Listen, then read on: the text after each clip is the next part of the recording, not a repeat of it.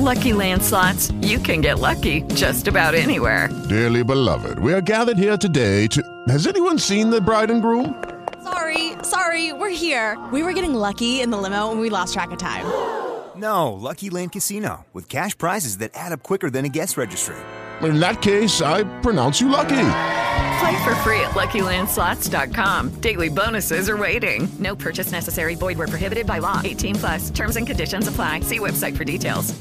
Hello, it is Ryan, and we could all use an extra bright spot in our day, couldn't we? Just to make up for things like sitting in traffic, doing the dishes, counting your steps, you know, all the mundane stuff. That is why I'm such a big fan of Chumba Casino. Chumba Casino has all your favorite social casino style games that you can play for free anytime, anywhere with daily bonuses. That should brighten your day a little. Actually, a lot. So sign up now at chumbacasino.com. That's chumbacasino.com. No purchase necessary. Group. Void were prohibited by law. See terms and conditions. 18 plus.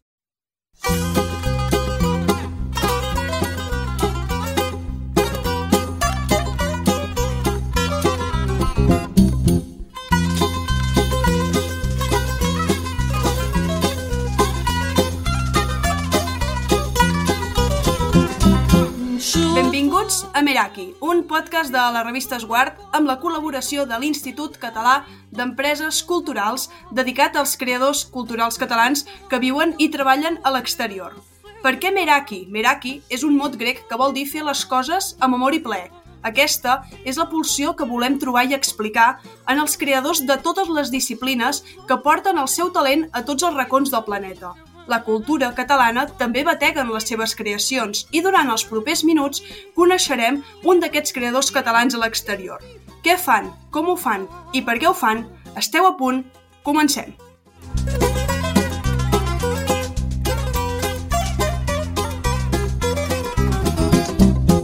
Avui tenim a la Cèlia Pallí amb nosaltres, una cantant de Torroella de Montgrí que viu a Winnipeg, però que ha voltat per tot el món gràcies a la música. Té una trajectòria important en solitari. En el seu darrer senzill, doncs, que ha sortit aquest any, es titula Melodies, i el seu primer treball com a solista, I Will Be Fine, ja suma gairebé dos milions de reproduccions. També pot dir, amb molt orgull, doncs, que va ser una de les veus que van acompanyar a Nelly Furtado, primer com a corista i després com a talonera i avui tenim el gran ple de comptar amb ella aquí al podcast Meraki. Benvinguda, Cèlia, com estàs? Hola, bones, molt bé, gràcies per convidar-me. Gràcies a tu per acceptar la nostra trucada.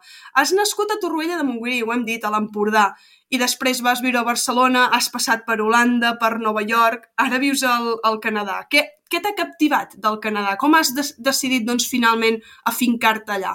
Vaig venir a fer la carrera de música a Canadà, vaig anar a Toronto i jo, honestament, pensava que només em quedaria dos o tres anys. I l'altre dia vaig fer... vaig començar a sumar anys i dic, ostres, d'aquí poc farà 20 anys que sóc a Canadà. Vull dir 20 que... anys a Canadà, és a dir, a mi a mi m'agrada una, una cosa perquè tots els que diuen que se'n van donant re, uns mesos que ara el marxem, quatre mesos, i em diuen ja que es porta mitja vida, no?, a Canadà en aquest cas tu, a Canadà. Sí, és, és flipant. Realment no, no m'ho esperava. Però el que em va enamorar del país és lo multicultural que és, lo molt que la gent accepta els immigrants, a la gent d'altres cultures, a gent amb accent. Hi ha, especialment a Toronto, eh? eh no puc parlar pel reste del país, però a Toronto hi ha una sensació de que tothom està benvingut. I hi ha moltes possibilitats pels artistes, moltes oportunitats, um, el govern en si té moltes beques per ajudar a que els artistes canadencs siguin reconeguts mundialment. Um, hi ha aquest tipus d'iniciatives que, que em donen orgull de dir que visc aquí, saps? I això es va portar l'altre i mira, rient, rient, gairebé, gairebé 20 anys.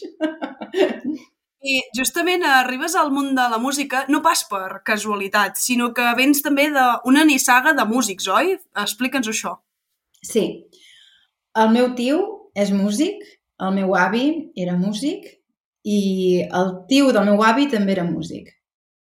Així que són diverses generacions de músics a casa i és fàcil, no? I anar, anar influenciant les generacions, perquè veus el, el, jo el meu avi el sentia practicar cada dia. Jo jugava fora al carrer i el sentia cada dia fer escales amunt i avall, amunt i avall amb la tenora. Uh, I bàsicament uh, la música es converteix en, en una banda sonora que la tens sempre darrere, no? I va ser molt natural fer música, escollir classes de música i la meva família doncs, em va apoyar. Va ser molt fàcil la transició de dir i em dedico a ser músic. Um, així és, és que... el que escoltaves del teu avi i del teu, dels teus tiets? Quina música recordes quan eres petita que et posaven?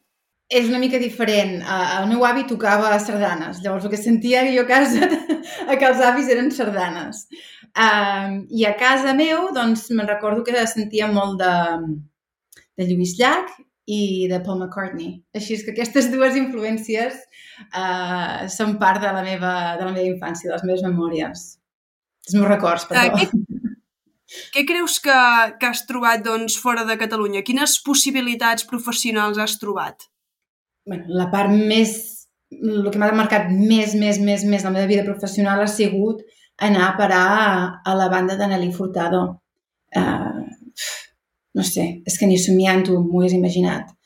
Um, em, van, em van avisar que hi havia audicions, em vaig presentar a les audicions amb moltes esperances, molta il·lusió i realment no tenia ni idea de quin seria el resultat. I quan vaig rebre la trucada de que si m'havien agafat, als 24 anys em van agafar, uh, és que em va canviar la vida. Va canviar la vida. Um, una cosa que jo sempre veig com un exemple de la sort que he tingut és que els meus companys de la universitat de la carrera de música, ells van sortir i una mica eh, el procés seu va ser anar de gira amb cotxe, anar de gira amb furgoneta, anar de gira amb avió, no? I jo vaig començar al revés, diguéssim. Directament va ser gires amb avió. I, i els llocs on hem anat eh, tampoc m'hagués imaginat mai que hi haguéssim anat, no? Els, a Dubai, a Japó... Així que he tingut experiències molt maques en públics molt macos i m'he endut també moments Kodaks mm, de, de molts països. Doncs això, eh? has treballat amb artistes d'aquesta talla internacional com és la Nelly Furtado. Com, com va ser aquesta audició? Perquè com t'assabentes tu de que estan preparant aquesta audició per, per ser corista de la Nelly Furtado, a on, a, a, on, a on es va produir i també què va suposar el fet de tu sent tan jove presentar-te amb aquesta audició i, des, i que t'agafin i fer tot el que ara estaves comentant d'aquesta gira mundial, podem dir. Sí.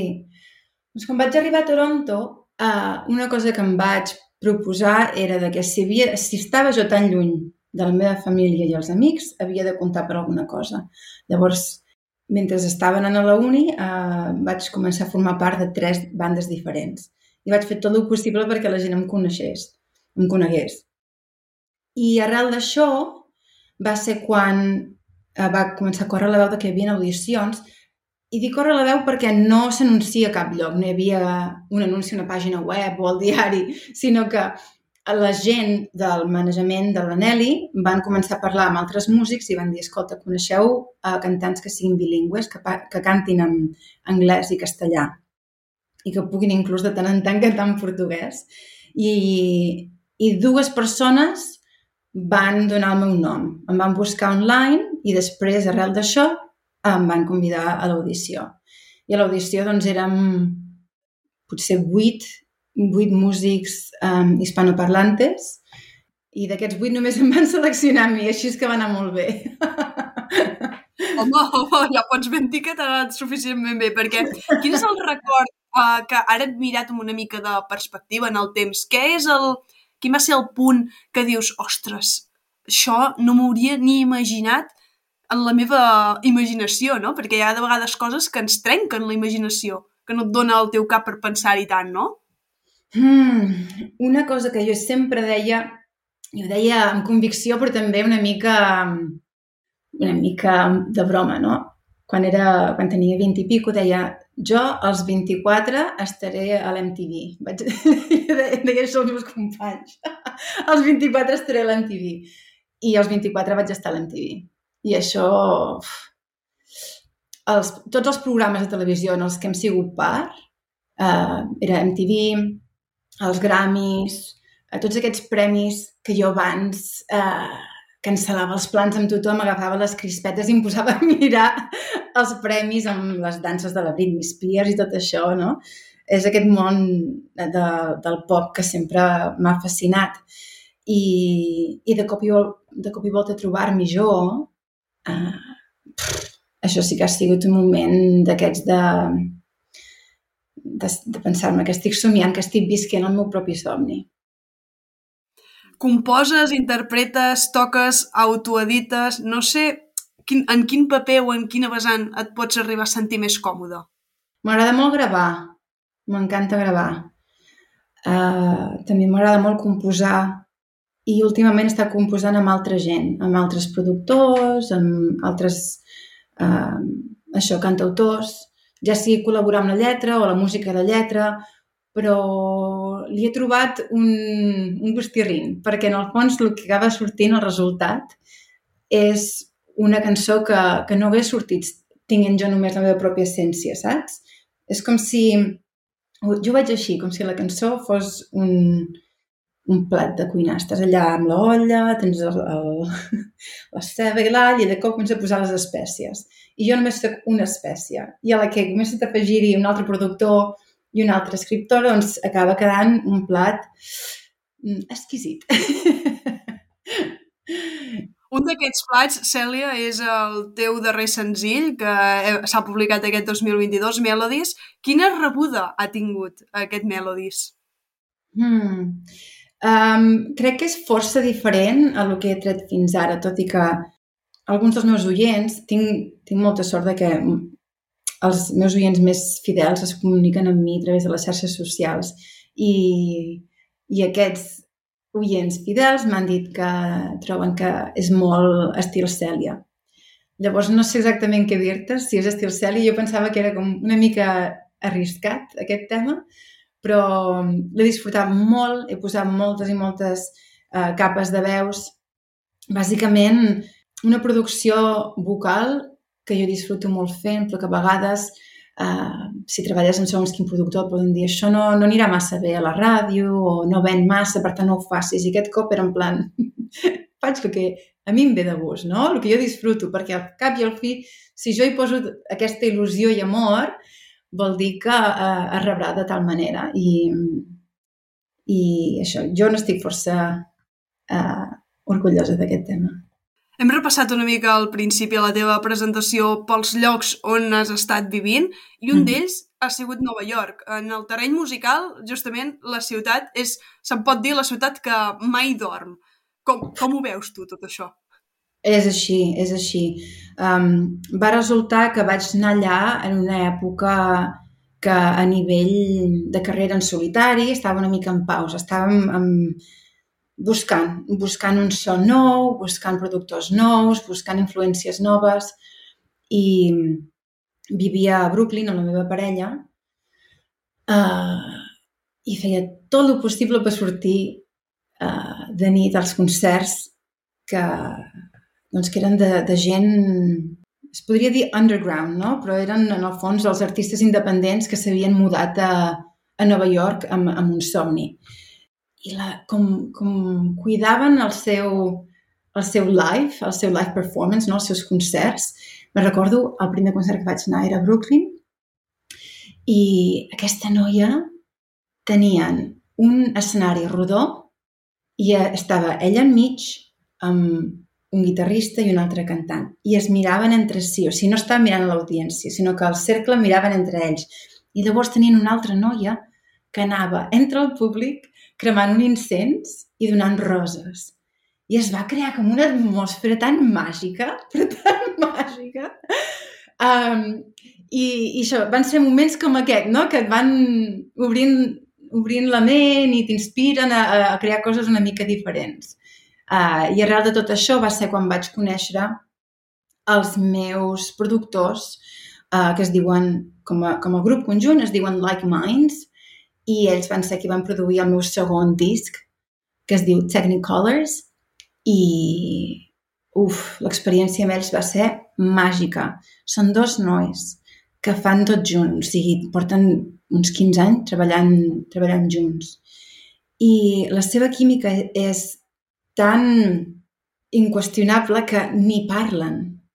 No parlen. Caral, estan en una habitació, estan en una habitació, senten el meu, la meva maqueta i diuen mm, diu, bueno, deixa'm-la tocar. Posa la meva maqueta en un loop i llavors s'aixeca un i tenen, mentrestant està passant això, tenen uh, un botó que, està, que va gravant-ho tot i un comença a tocar el piano i es comença a gravar el piano. L'altre s'aixeca sense dir res i agafa el baix i comença a tocar el baix. L'altre, sense dir res, de cop marxa a l'habitació i de cop sento la bateria des de... que, que està a l'altra habitació i graven la bateria. L'altre s'aixeca i li posa una pandereta. O sigui, sense parlar, els dos van com inspirant-se i en qüestió de quatre hores vam tenir feta la cançó Complicity.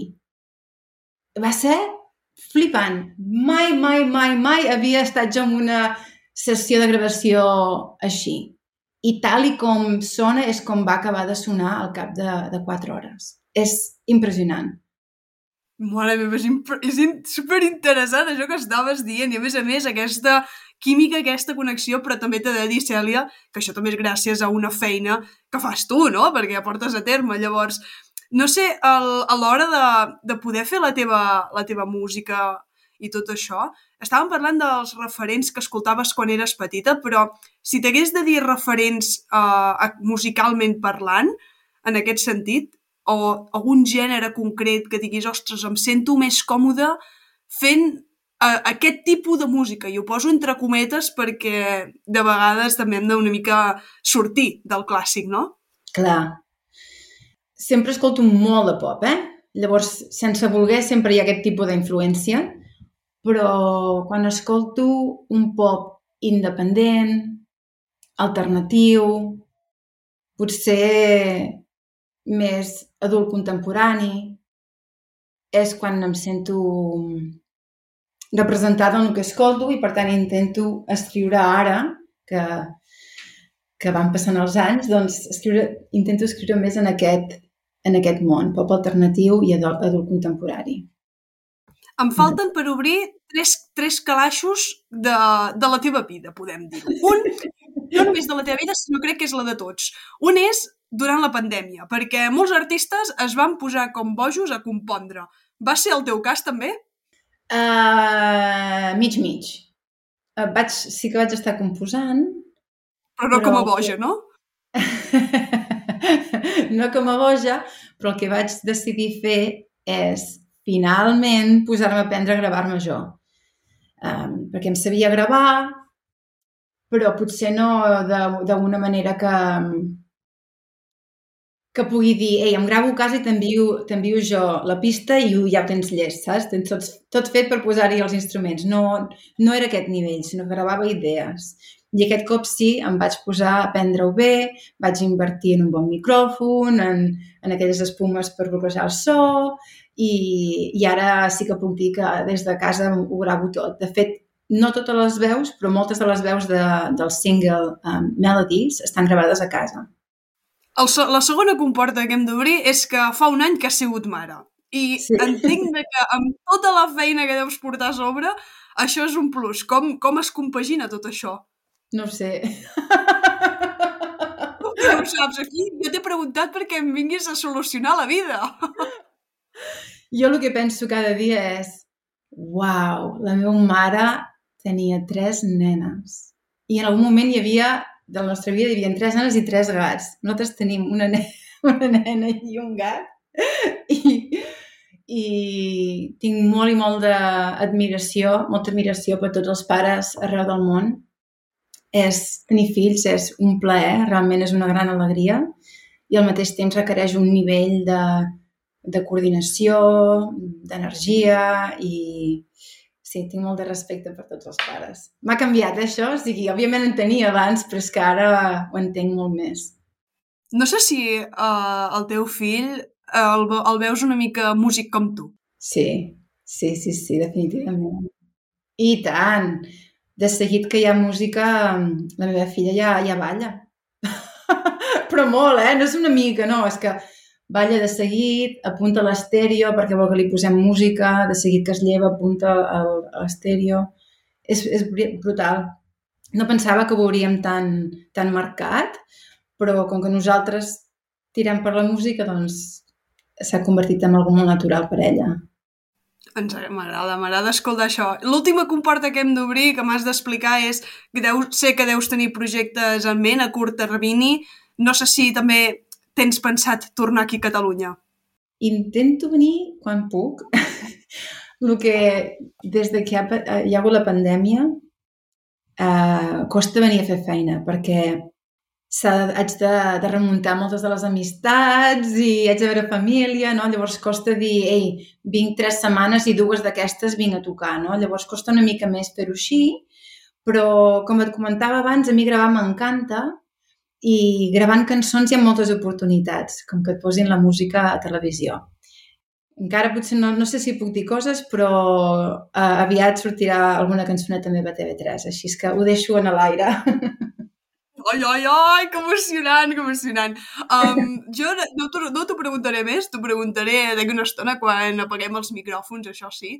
I ara t'ho posaré encara més difícil, perquè l'última pregunta que fem a totes les persones convidades aquí a Meraki és que ens has de dir una cançó que escoltis sovint per inspirar-te o aprofitant que et tenim a tu, crec que ho tenim fàcil, no? Crec que sigui gaire difícil, no?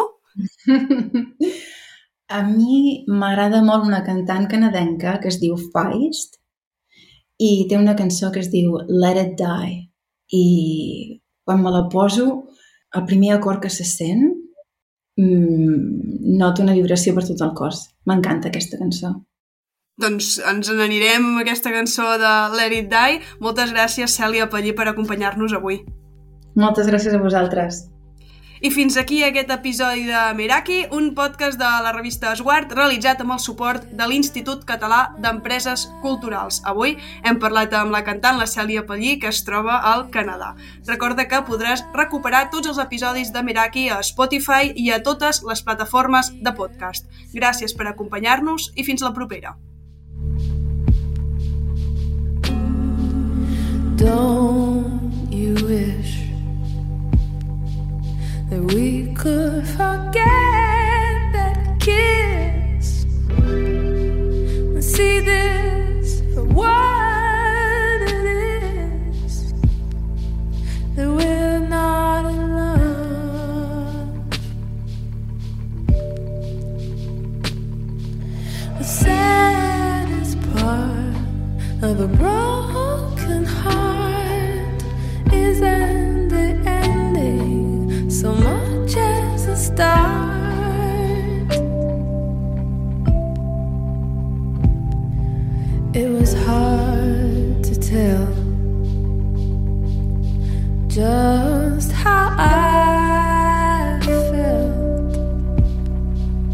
to not recognize myself. I started to fade.